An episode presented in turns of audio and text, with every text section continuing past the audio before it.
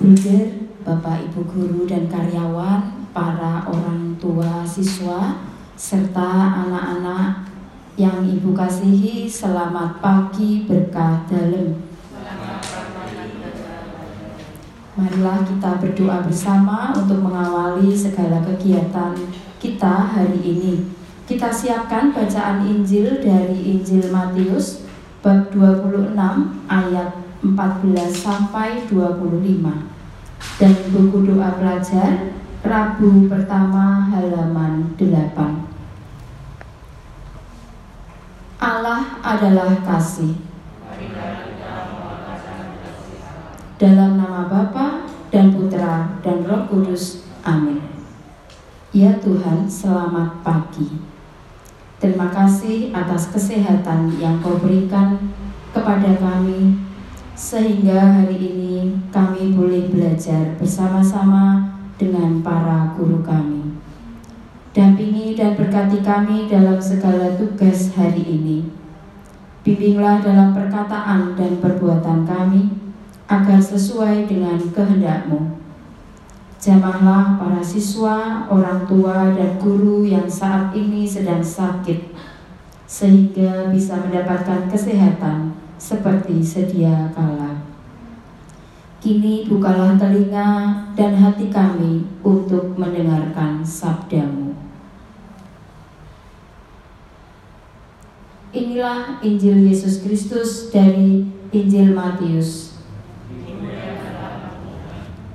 Anak manusia memang akan pergi sesuai dengan apa yang tertulis tentang dia tetapi celakalah orang yang olehnya anak manusia itu diserahkan. Sekali peristiwa, pergilah seorang dari kedua belas murid itu yang bernama Yudas Iskariot kepada imam-imam kepala. Ia berkata, apa yang hendak kamu berikan kepadaku, supaya aku menyerahkan dia kepada kamu?' Mereka membayar 30 uang perak kepadanya. Dan mulai saat itu, Yudas mencari kesempatan yang baik untuk menyerahkan Yesus. Pada hari pertama dari hari raya roti tak beragi, datanglah murid-murid Yesus kepadanya dan berkata, di manakah engkau kehendaki kami mempersiapkan perjamuan Paskah bagimu? Jawab Yesus. Pergilah ke kota, kepada si Anu dan katakan kepadanya, Beginilah pesan guru. Waktuku hampir tiba, di dalam rumahmu lah aku mau merayakan Paskah bersama-sama dengan murid-muridku. Lalu murid-murid melakukan seperti apa yang ditugaskan Yesus kepada mereka dan mempersiapkan Paskah. Setelah hari malam, Yesus duduk makan bersama dengan kedua belas murid itu. Dan ketika mereka sedang makan, ia berkata, Aku berkata kepadamu, sesungguhnya seorang di antara kamu akan menyerahkan aku. Dan dengan hati yang sangat sedih, berkatalah mereka seorang demi seorang kepadanya, Bukan aku ya Tuhan.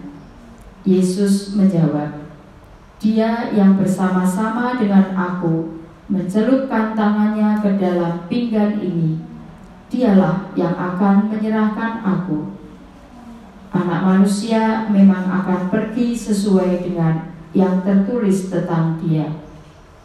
Tetapi celakalah orang yang olehnya anak manusia itu diserahkan.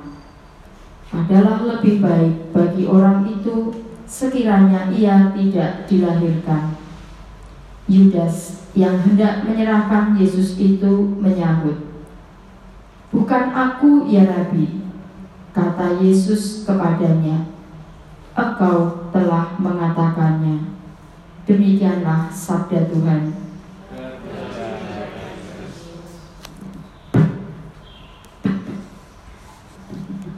Sudah satu tahun lebih kita semua hidup di dalam ketakutan dan kesedihan karena pandemi COVID-19.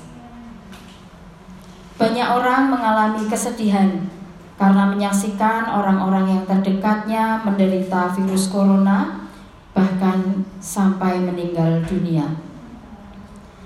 Bacaan hari ini pun menggambarkan kesedihan Yesus yang sangat mendalam karena muridnya yaitu Yudas Iskariot yang terpapar virus cinta uang atau mamon. Jenis virus ini tidak mengganggu fungsi pernapasan, mengganggu pembekuan hati yang menyebabkan penderitanya kehilangan rasa kemanusiaan. Hanya karena uang, Yudas Iskariot mengkhianati Yesus. Tetapi karena Yesus sangat cinta kepadanya, pada saat perjamuan malam terakhir, Yesus sudah mengingatkan untuk meninggalkan kegelapan itu. Namun Yudas Iskariot tidak lagi mendengarkan suara gurunya itu. Ia bertindak mengikuti hawa nafsunya sehingga karena 30 keping uang perak akhirnya dia menyerahkan Yesus.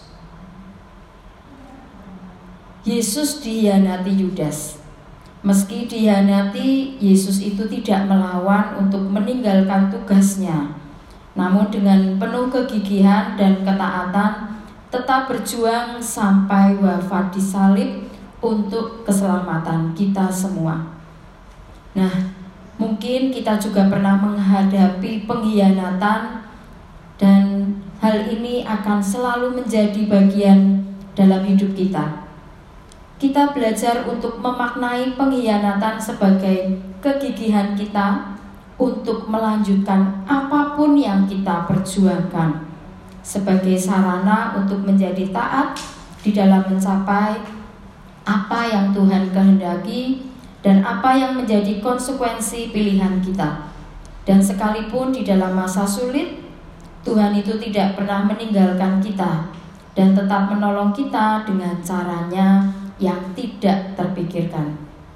Maka marilah kita meneladan Yesus di dalam kegigihannya untuk mengorbankan diri dan ketaatan di dalam melaksanakan kehendak Bapa demi keselamatan dunia. Demikian renungan hari ini kita lanjutkan dengan doa pagi.